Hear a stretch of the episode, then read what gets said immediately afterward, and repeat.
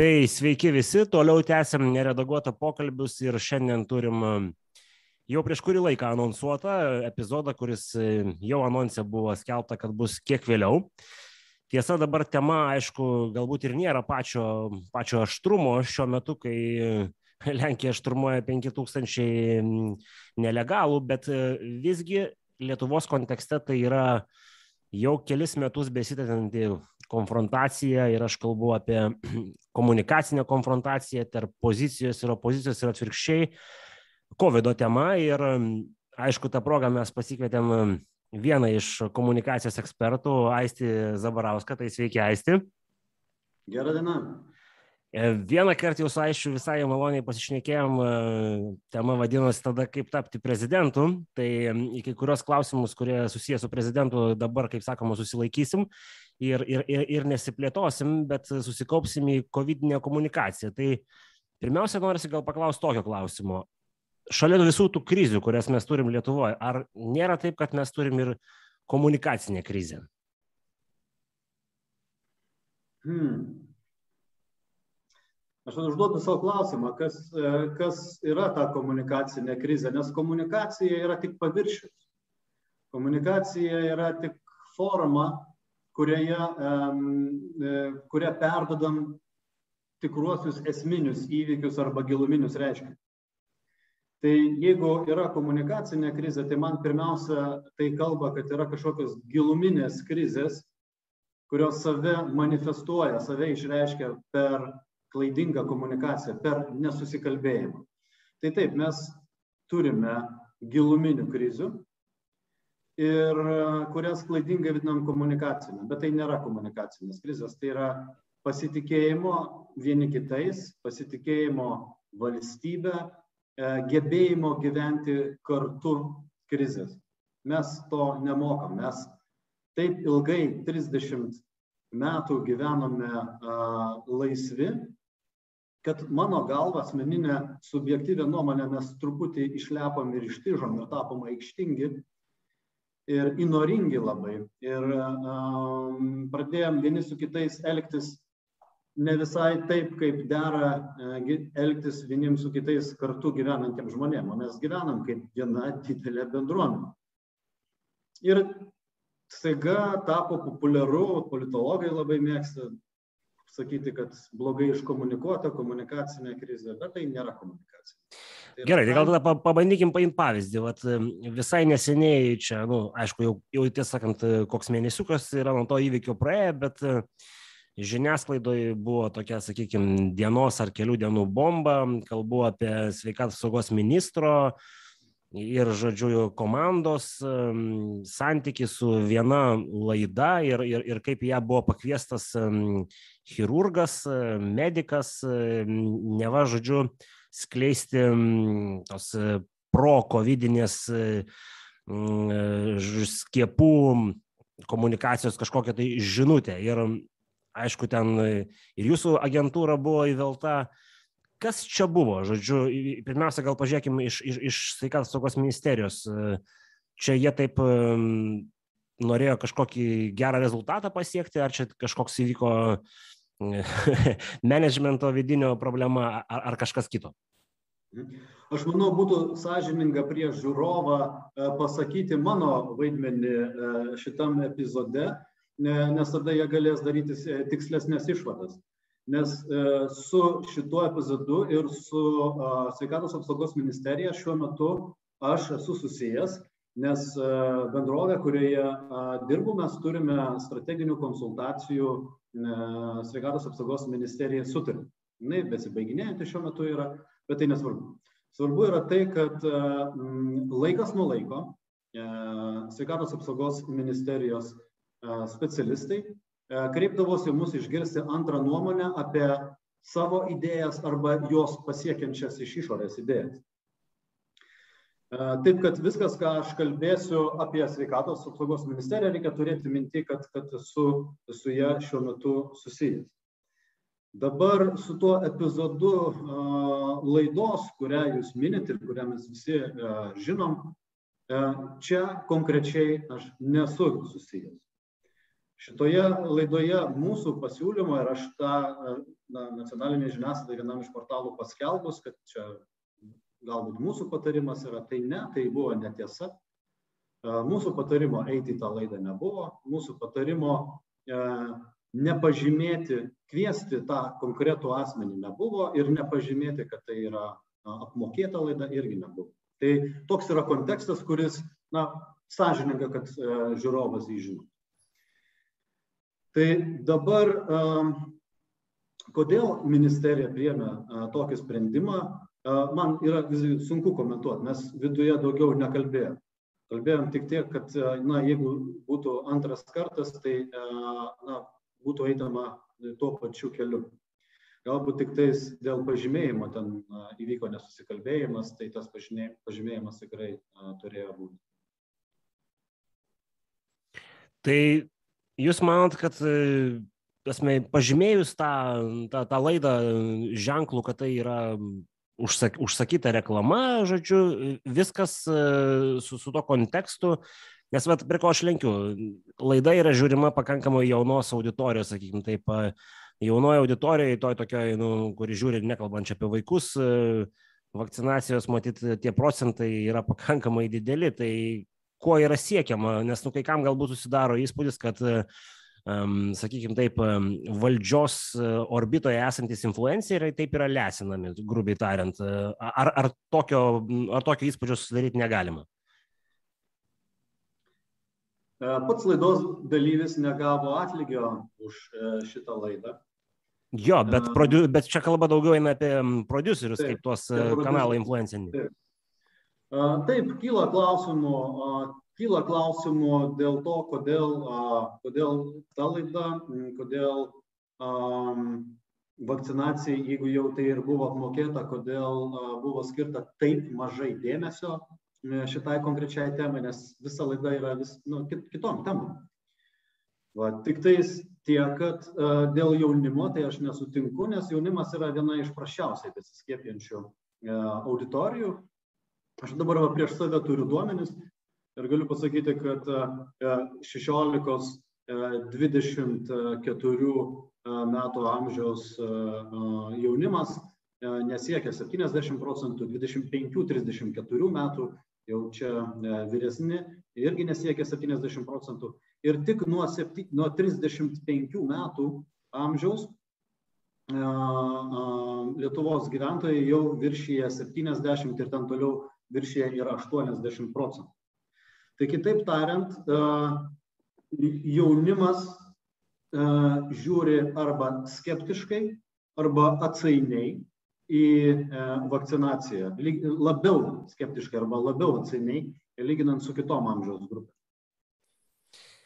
Supratau, nu, tie skaičiai 70 kažkada buvo etalonas, kurį pasiekus visos problemos turi dingti, kaip matom, kaip sako mūsų COVID ekspertai, visa valstybė yra juodoje zonoje, nepaisant to, kad mes esame vis 70 procentų paskėpyti.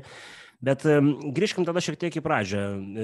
Prasidėjo pandemija, dar buvo visai kita valdančioji dauguma negu dabar.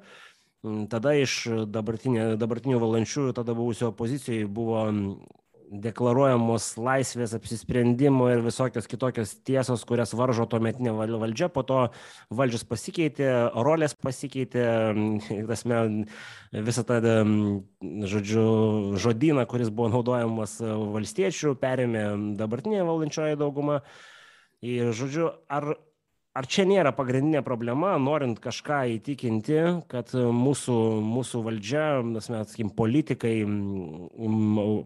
tie viršutinis politikų sluoksnis, nu, jie tiesiog nesupranta, kur yra riba, ta prasme, konfrontacija, kur yra bendras reikalas dėl valstybės, kur jau reikia, tasme, nu, kažkaip tai kitaip e, tuos tarpusavio santykius aiškintis e, tame visame kontekste.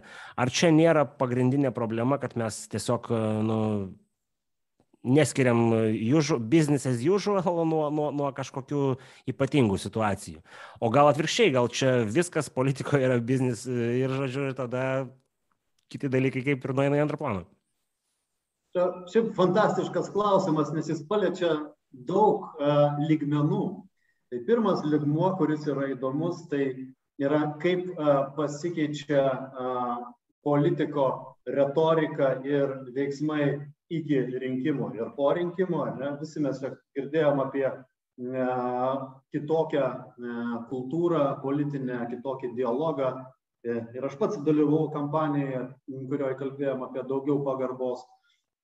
Na, bet paskui, paskui keičiasi dalykas. Antras klausimas buvo santykio tarp valstybės ir piliečio, kiek valstybė gali naudoti, nu, prievarta gal yra per stiprus žodis, bet instrumentų a, įvairiais būdais vesti pilietį iki sprendimo, kurio nori valdžia.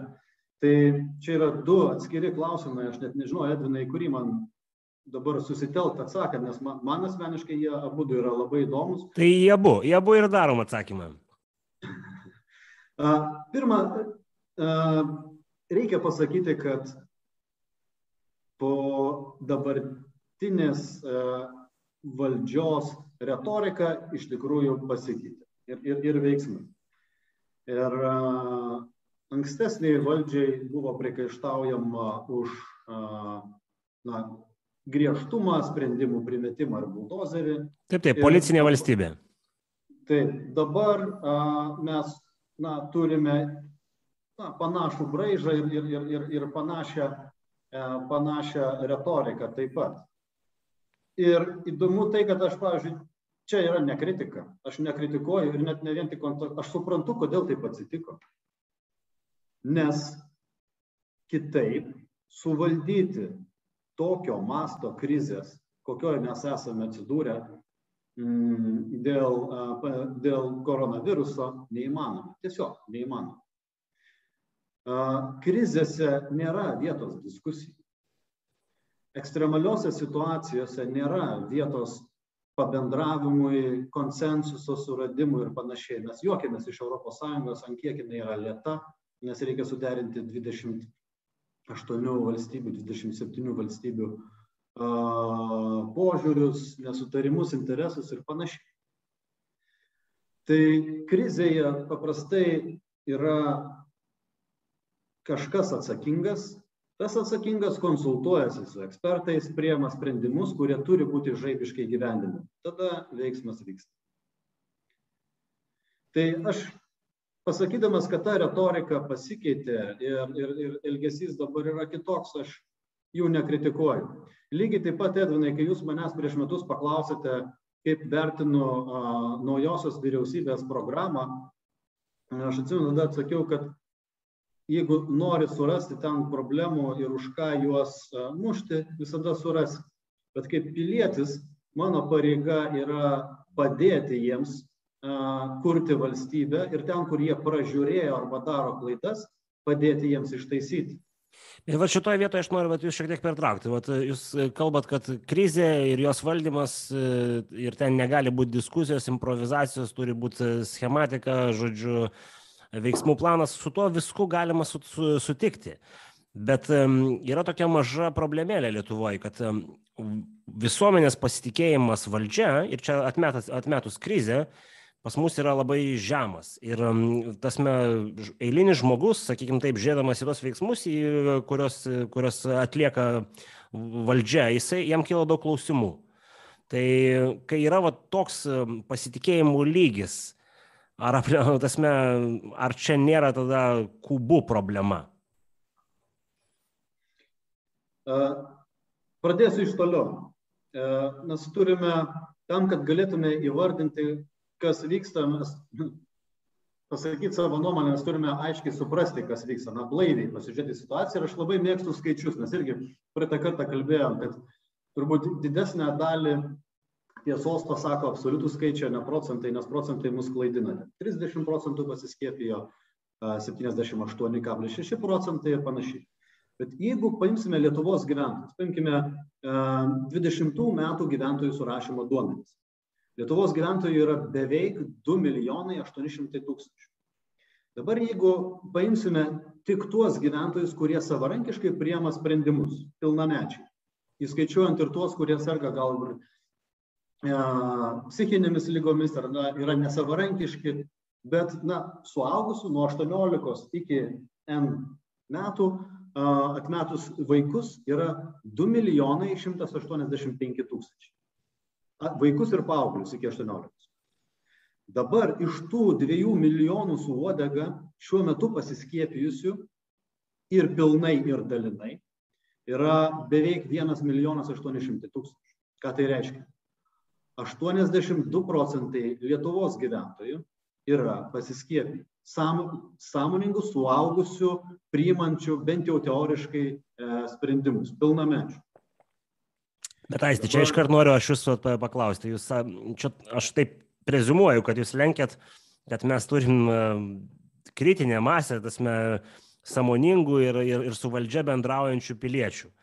Bet man kyla klausimas, kai žmonėm yra pasakoma, kad e, va sektoriai be skiepo tu negali dirbti, ten, žodžiu, testavimas, tavo kišenė artėja ir panašus dalykai. Ar tikrai mes turim tą milijoną aštuonis tūkstančių samoningų žmonių, ar turim e, ženklų procentą iš jų, kurie tiesiog taip padarė, nes... Ir nu, jaučiasi kaip, taip, jaučiasi patyrę prievartą. Sutinku, yra, yra dalis tokių žmonių. Jiems išskaičiuoti reikėtų padaryti tyrimą ir man atrodo, tokių tyrimų nėra padaryta, bet išskaičiuoti tuos, kurie jaučiasi patyrę valstybės prievartą, šiaip vertėtų, tam, kad mes galėtume e, svarstyti apie mm, veiksmus, kaip tuos santykius tarp valstybės ir šitų piliečių gerinti, nes kuo yra blogesnis santykis tarp valstybės ir piliečių, tuo mes esame silpnesni.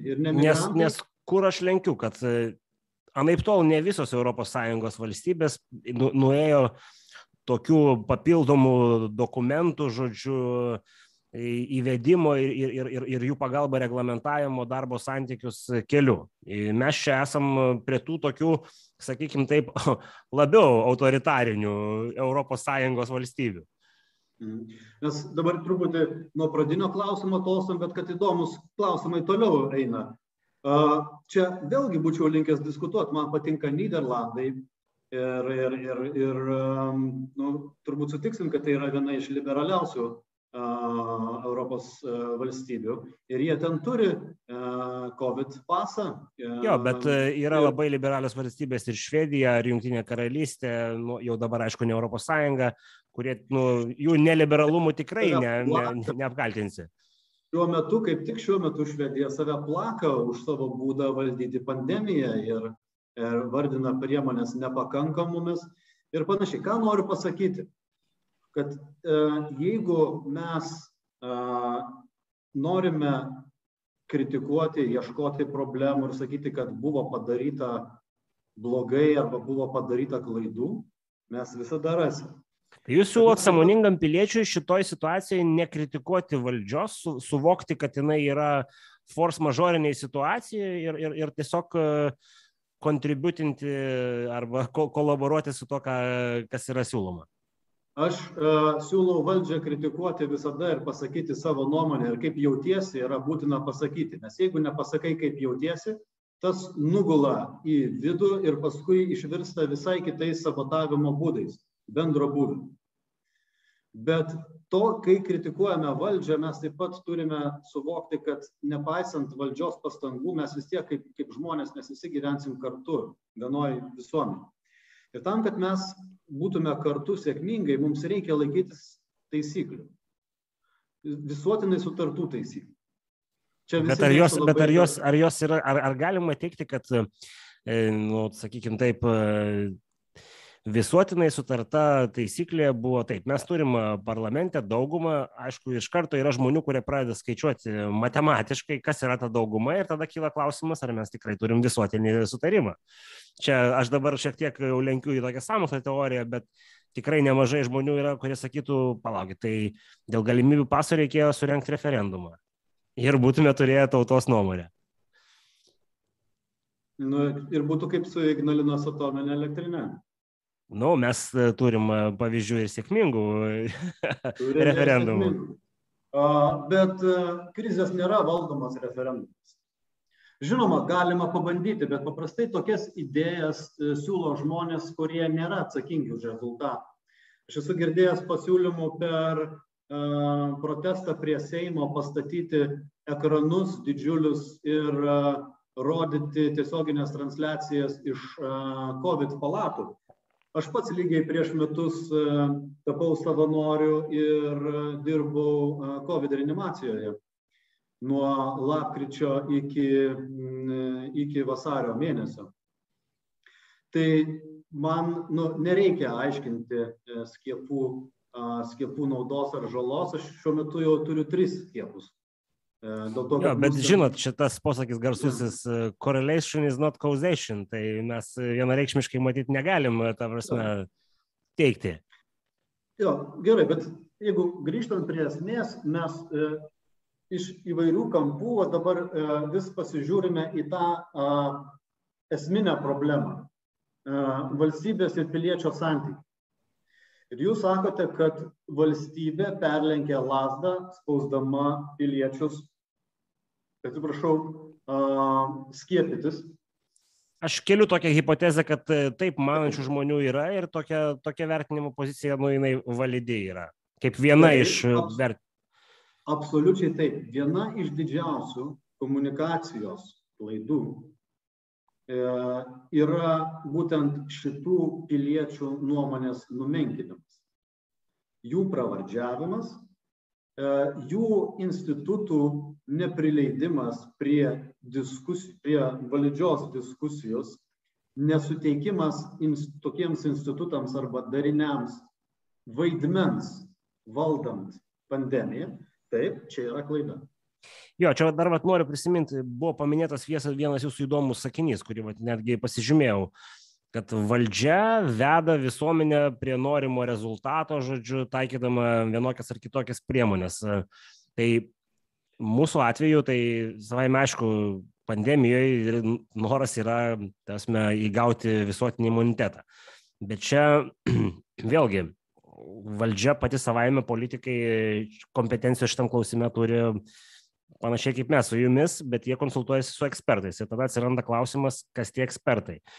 Tai vat, tas visas kalbėjimas su, su visuomenė, kad mes žinom, o visuomenė po to bado pirštais ir sako, va čia jūsų ekspertai, ar čia, ar čia nėra ta pirminė problema, kad mūsų valdžia yra linkus suabsoliutinti savo poziciją ir, ir ją pateikti kaip vieną vienintelę ir, ir, ir nepakeičiamą.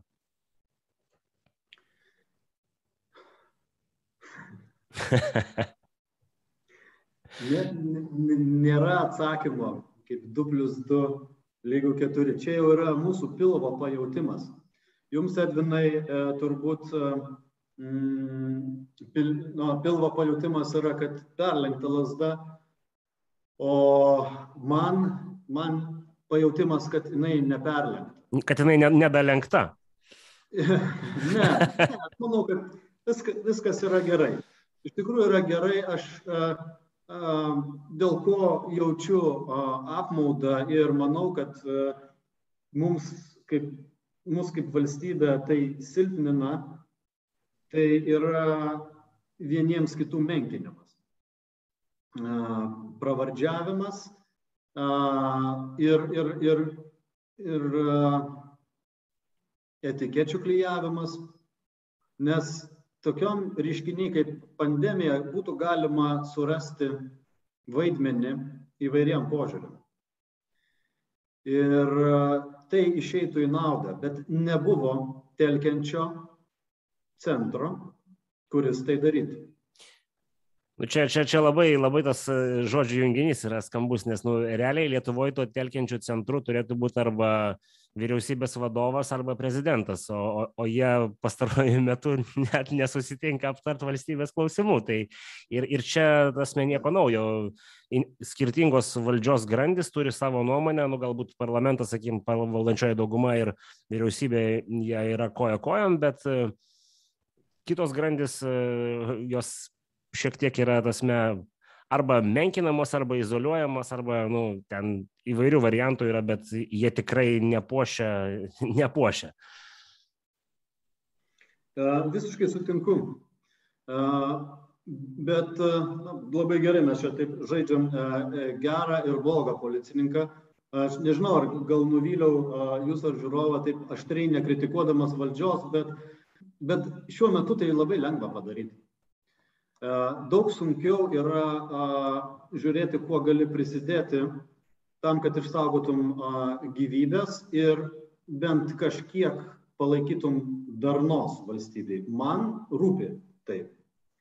Darna ir, ir mūsų sutarimas. Dėl to, pavyzdžiui, sveikatos teisės instituto atstovą mes kvietėmės pas save į kompaniją, kad papasakotų savo poziciją, nors didžioji dalis, pavyzdžiui, mano kolegų nebūtinai su juo sutinka, bet uh, norėjom išgirsti ir bendravom, ir, ir, ir diskutavom, ir pagarbiai uh, diskutavom.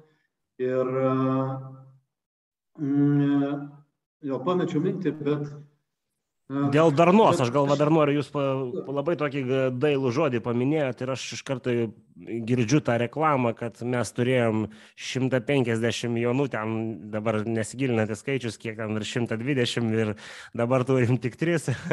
nu, čia šaržuoju, aišku, bet ar tokia komunikacinė žinutė kuria darną visuomeniai? Vat kaip, kaip komunikacijos ekspertą noriu paklausti.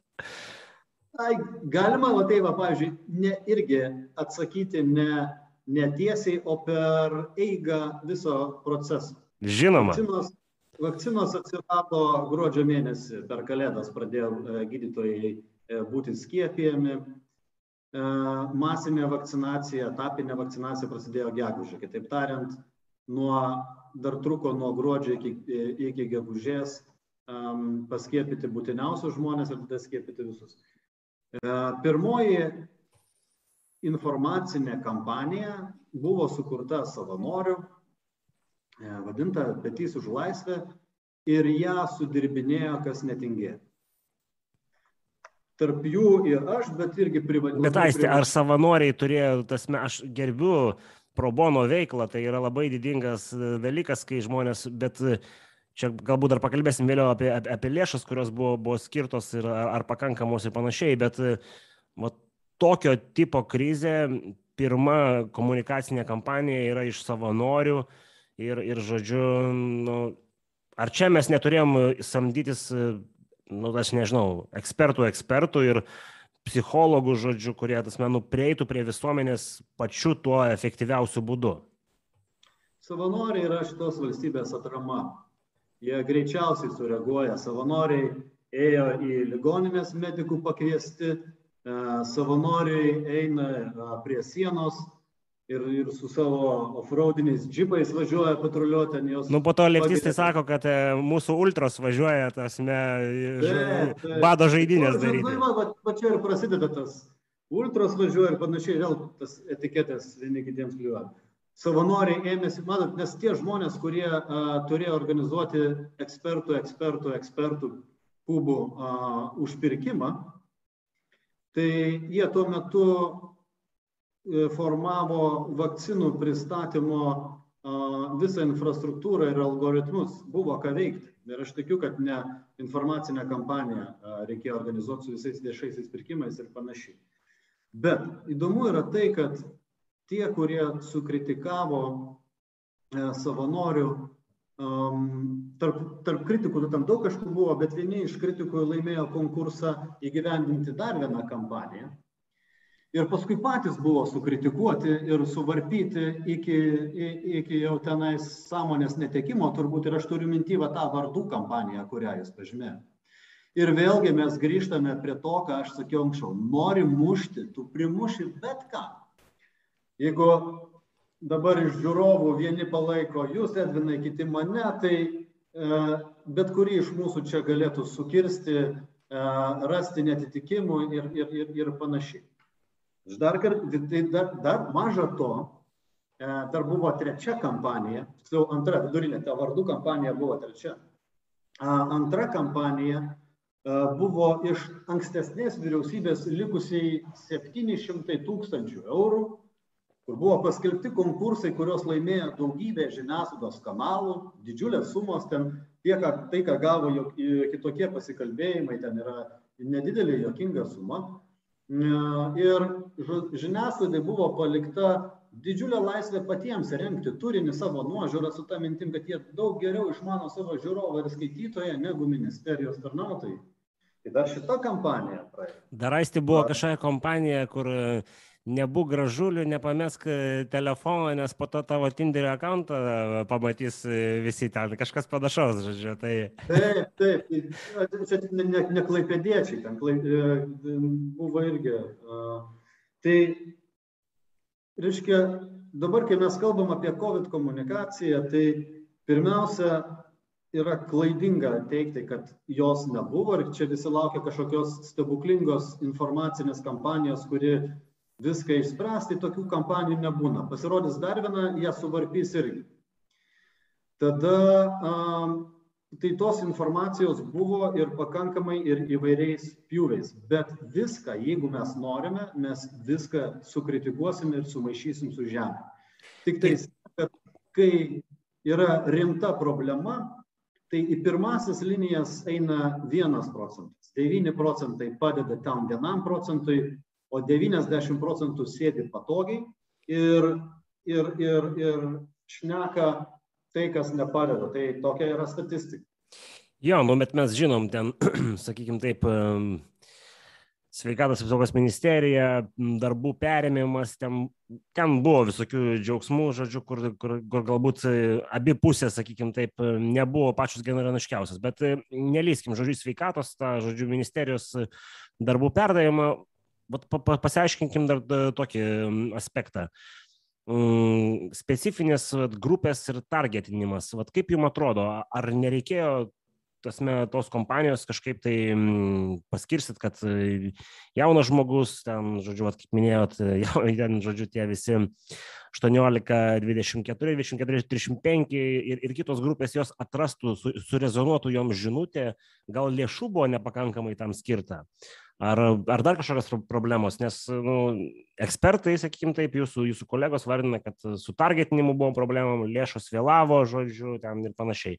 Kaip jums atrodo, kaip, vat, mat, šiek tiek, kaip sakoma, mačiusiam iš, iš vidaus, nes, kaip sakot, dirbat, dirbot, turit sutartį su, su SAMU? Taip, e, pritariu, kad e, pritrūko energijos, laiko, valios uh, imtis na, ryštingų veiksmų, kurie būtų nukreipti ir, ir, ir masiškai nukreipti į e, labai konkrečias auditorijas. Taip, jos buvo targetinamos, buvo. Ir, ir jaunimas buvo targetinamas, ir su seniorais, ir su seniorais beje iki šiol yra dirbama individualiai.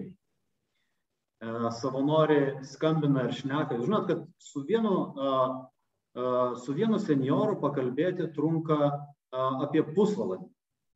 Žinom, seniorai mėgsta šnekėti. Taip, tam, kad prieitų tema iki skiepo.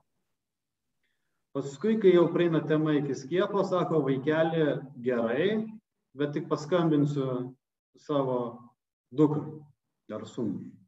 Ir po skambučio tas pusvalandis tiesiog sudega, nes uh, yra uh, senioras atkalbamas. Tai labai didelis procentas bet vis tiek tas darbas vyksta, jį daro ir šeimos gydytojai, ir, ir, ir gydytojai savanoriai. Tai, bet taip sutinku vėlokai.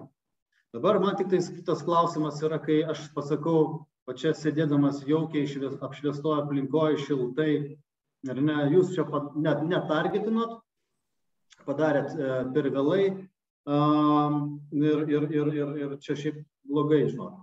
Tai ką aš padariau, kad jiem padėčiau? Nu ką? Tai jeigu aš negaliu pasakyti, ką aš padariau, ar pasikalbėjau bent jau su savo artimaisiais, savo aplinkos rate, net jeigu aš nepritariu skiepimuisi kaip a, veiks, veiksmingai priemoniai, ar aš pasiūliau tada kitą planą, kad apsaugočiau tą gyvybę.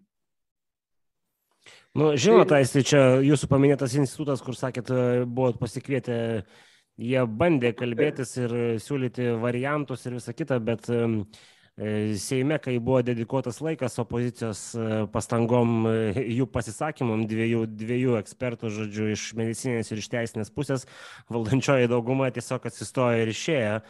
Ir vienas iš jų atstovų sakė, kad, nu, čia jiegi žiūrėjo per televizorių, žodžiu, savo darbo kabinetą, nes turi daug darbo. Tai e, aišku, galima tame iškristalizuoti, tarsi, kažkokią ir teigiamą žinutę, bet didžiai daugumai, kurie matė tokį, sakim taip, demonstracinį žestą, nu, kyla daug klausimų. Vėlgi, komunikacija. Čia ne komunikacija. O čia tas, jude, tas, tas judesys atsistojimo ir išėjimo, nu, jis matyt plačiaja prasme gali būti suprastas kaip komunikacija, nes jį ištransliavo tiesiogiai YouTube'as, e, Seimo posėdžiai, žodžiu, ir nu jį pamatė tauta. Bet, bet jo šaknis tai yra ne, ne komunikacinės, jo šaknis yra požiūrio į bendrą pilietį. Taip, taip, dėl šaknų nesiginčiu. Tai, tai man svarbiausia ir yra šaknis. Nors mano profesija yra komunikacija, Bet e, kol mes nepradėsime dirbti su šaknimis ir su elgesio norma, tai tol mes buksuosime su komunikacija. Tai kaip Jūs manot, e, tada jau apie tą šaknį, jeigu prabilom, e, kur čia tos šaknies šaknis, kad jėga, kurie eina į rinkimus ir skelbėsi, kad pas mus yra prasta politinė kultūra, atsidūrus valdžioje, prie tos politinės kultūros, kaip sakykim, taip, kažkokio paauginimo, kad ir menko, labai, sakykim, taip, nu, o čia aišku subjektivu, bet mano nuomonė nelabai prisideda arba rezultatas, nu, toks e, sunkiai matomas. Jo, pirmiausia, čia ne tik mūsų problema, čia yra šiaip turbūt demokratinės valstybės duotybė, paimkime, kad ir tą pačią Ameriką, Ne, nes nu, pati sistema, jos DNR yra toksai, kad uh, nuolat daužysis alkūnėmis į pakius. Ir iš vidaus kyla gera intencija, nu kad, okei, okay, kolegos, laikas dabar keistis.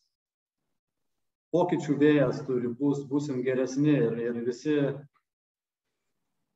ir visi su tuo sutinka, bet paskui, kai vėl, kai prieina prie reikalų, tada pamatai, kad yra 80 procentų yra kova dėl galios ir 20 procentų tik tais valstybės kūrimas. Ja, sakykim taip, eiliniam piliečiui išgirdus tokią, tokią frazę, matyt, noras eiti į rinkimus atšoka. Kitos išeities nėra, nes o kas tada, tu neįsi rinkimus eis kažkas kitas. Nu, tu, žiūrėkit, vėlgi, esam suaugę žmonės, mes jeigu turim lūkestį, kad viskas gyvenime bus gerai, nu, tai toks truputį saviapgaulė gyvenimas, ar ne? Gyvenimas jisai, jis, jis yra realiai, nu, paprastas, bet uh, jis, jis neturi būti lengvas. Ir dalykai darosi sunkiai. Jūs turite omeny, kad e, pilieti, piliečiai kaip institutas, žodžiu, turi praeiti kryžiaus kelią, kad e, atrastų tą santyki, už kokio, žodžiu, pavadėlio laikyti valdžią. Manau, kad taip, tai yra paieška.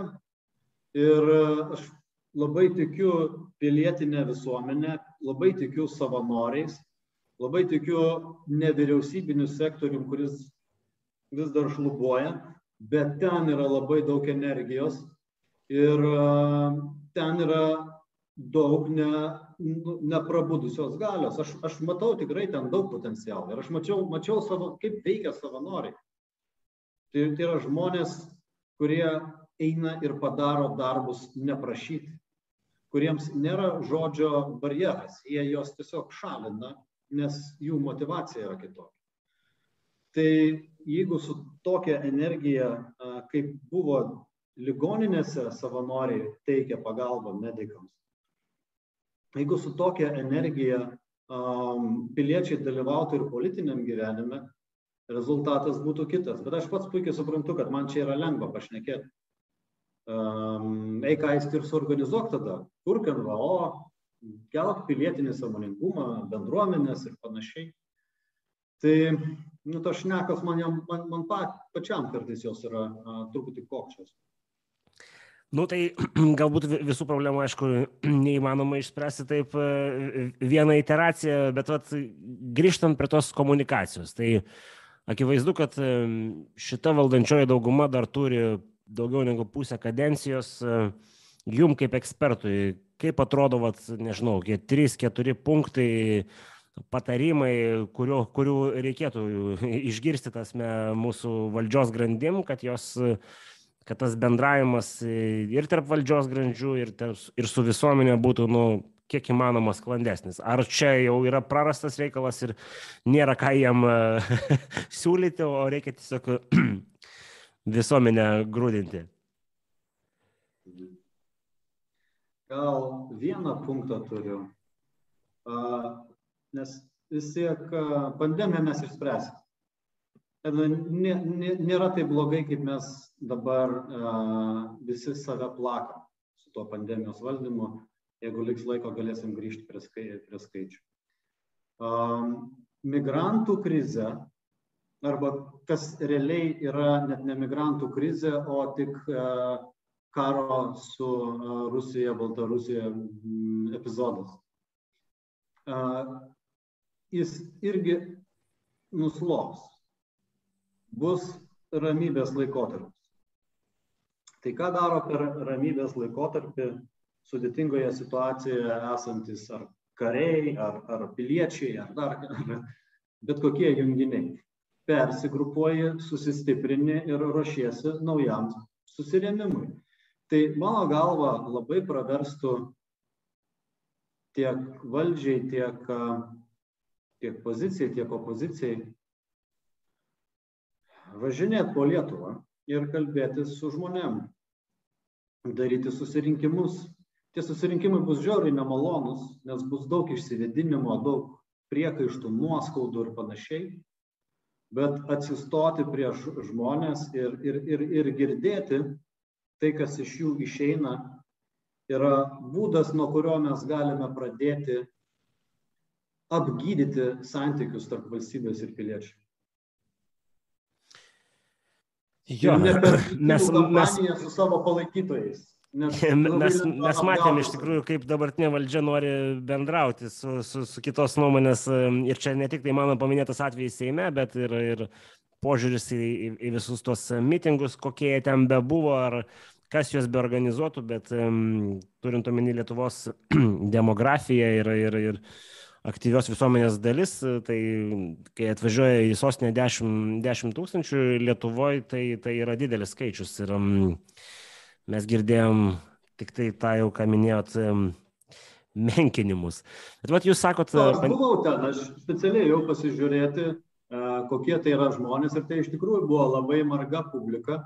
Nu, tarkim, ir, Vingio parke, ar jūs buvot taip, ten? Taip, aš buvau tenai. E, buvau tenais ir, ir, ir sutikau atsitiktinai savo giminaičius, kurie buvo atvažiavę iš Šiaulių ir, ir, ir sakė, čia pirmas, e, pirmas mitingas, kuriame dalyvauja nuo sąjūdžio ir, ir ėjo kalba, kad vyras e, norėjo dar pabūti, žmona sakė, nu, man čia nepatinka, nes aš tikėjausi, kad čia bus iš tikrųjų šeimų susirinkimas, vakaronė, laužas, šoksim, dainuosim kartu, susi, susibūrę, ten ėjo politinės šnekos. Tai um, ir dar įvairios. Tai Bet ką noriu pasakyti, kad ten tikrai buvo labai įvairių žmonės. Ir su Rusijos vėliava buvo taip pat. Nu, aistė, aistė. Žinokit, aš, aš įsivaizduoju, ką pasakys mūsų komentatoriai. Ten buvo vienas veikėjas, kuris pranešė Rusijos vėliavą ir ten jau grįžtant prie to, nu kiek jūs matėt Rusijos vėliavų? Ok, gerai sutinku, tvarkoj, nereikia šito akcentuoti. Va, bet e, visiems jiems, bet ten tikrai buvo įvairių. E, bet visiems jiems e, klijuoti vieną etiketę yra klaida. Ok, tai jūs sakėt, kad visgi tie skaičiai, kuriuos prieš save turit, įkvepiantis yra. Kai atsidarai ryte Delfį, aš vis dar iš tų, kurie atsidaro, nes nu, yra šitokių žmonių, kurie jau įpolė į paniką ir nukencelinė yra dienraštis, portalus didžiosius. Tai realiai žinutė, antraštė, tokia, sakykime, eina dažniausiai klikbaitinė, kad vat, juoda, žodžiu, visos savivaldybės juodos, pajodavom arba vis dar juodojam, žodžiu, ir mirčių skaičius ir kur tas pozityvas, kurį, kurį jūs vat, apčiuopėt iš statistikos ar, ar iš kažkokių, sakykim, taip, vidinių, vidinių kanalų? Jo, juoda, serga žmonės, miršta žmonės. Bet pozityvas, kurį aš matau, kad iš suaugusių žmonių, tų, kurių imunitetas yra nežinomas, um, tai vadinasi, visi kiti yra arba pasiskėpę, arba persirgę suaugę. Yra 350 tūkstančių. Likusių nepasiskėpijusių, tą norite akcentuoti. Ir nepersirgusių. Nu, mes nežinom, ar jie nepersirgė. Uh, mes turime skaičių žmonių, kurie yra persirgę ir turime žmo, skaičių žmonių, kurie yra persirgę, bet nebeturi imuniteto. Nu, bet, iš, bet mes dar neturim vieno skaičių žmonių, kurie yra persirgę ir kurie nesidarė jokio testo ar kažko ir jie tiesiog yra kažkur. Tai aš vat, turiu, tarkim, sakim, giminaičių provincijoje, tai nu, jie nepatenka į jokį sąrašą. Ir mes galim sakyti, kad provincija nesudaro didelės daugumos Lietuvos, bet taip būtų galima spėti, kad nu, yra keli šimtai tūkstančių žmonių, apie kuriuos mes nieko nežinom ar jie persirgė, ar jie nepersirgė, žodžiu, ir mes juos nu, negalim paguldyti kažkur tai į statistinę lentelę. Mhm. Tai bet kokiu atveju yra gerokai didesnė negu pusė Lietuvos žmonių yra saugus. Aisti, bet ką reiškia saugus? Vėlgi, tas pats sveikatos e, teisės institutas sako tą žinią, kurią mes dažnai iš valdžios nu, negirdim jos. Žmogus turintis vieną, dvi, tris dozes, jis gali užsikrėsti, jis gali užkrėsti taip, kitą žmogų. Taip, jis gali užsikrėsti. Tai ką reiškia, tai ką, ką reiškia tas jūsų formulavimas, jie yra saugus? Nuo mirties. Jie yra saugesni, galbūt reikėtų vartoti žodį, bet saugus, tai aš jo, va turiu, aš va turiu pavyzdį, turiu konkretų pavyzdį. Vienas iš mano epizodų svečių, žmogus, kuriam jau yra virš 60, jeigu neklystu, kuris turi du skiepus, jisai pats e, atgulė į COVID-19 palatą, žodžiu, buvo, nu, toj stadijoje, kai dar pats kaukę, žodžiu, su rankom matyt galėdavo makaluoti, bet e, kapstėsi ten iki 10 dienų ligoniniai. Tai, nu, ir, ir jis, tai sakykim, tai turi gretutinių lygų, viską, tai, nu, rizikos grupė. Saugus žodis, nu, šitam reikalui, aš, man teko su juo kalbėti, kai jis buvo ligoniniai, jis jautėsi Gerai. gerokai nesaugus. Gerai, bet kokiu atveju žmonių, kuriems yra rizika numirti, mažėja. Problema yra ligoninių užimtumas ir kad jos negali valdyti, vykdyti kitų funkcijų. Tiesa, tas yra. Bet Žinoma, dėl ligoninių dar yra toks mažas aspektas. Man vėl kiek tekia kalbėti su valdančiaisiais, nuo valdžių pasikeitimo COVID-19 lovų skaičius nepaaugo, nes mūsų, mūsų valdžia tiesiog viską pastatė kaip ruletėje ant vieno langelio, tai yra skiepas. Kas, tasme, yra ok, tai yra variantas, bet, sakykime taip, mes nepasistatėm papildomų pajėgumų, neįsigijom papildomų ventiliacijų. Galbūt čia presingo priemonė skiepytis irgi variantas, bet ligoninių pajėgumai yra kokie yra. Nu, bet kad ekspertai e, kalba apie tai, kad e, ne pajėgumuose, ne ligoninių techninės įrangos pajėgumuose yra klausimas, o personalė, kas dirbs. Mhm.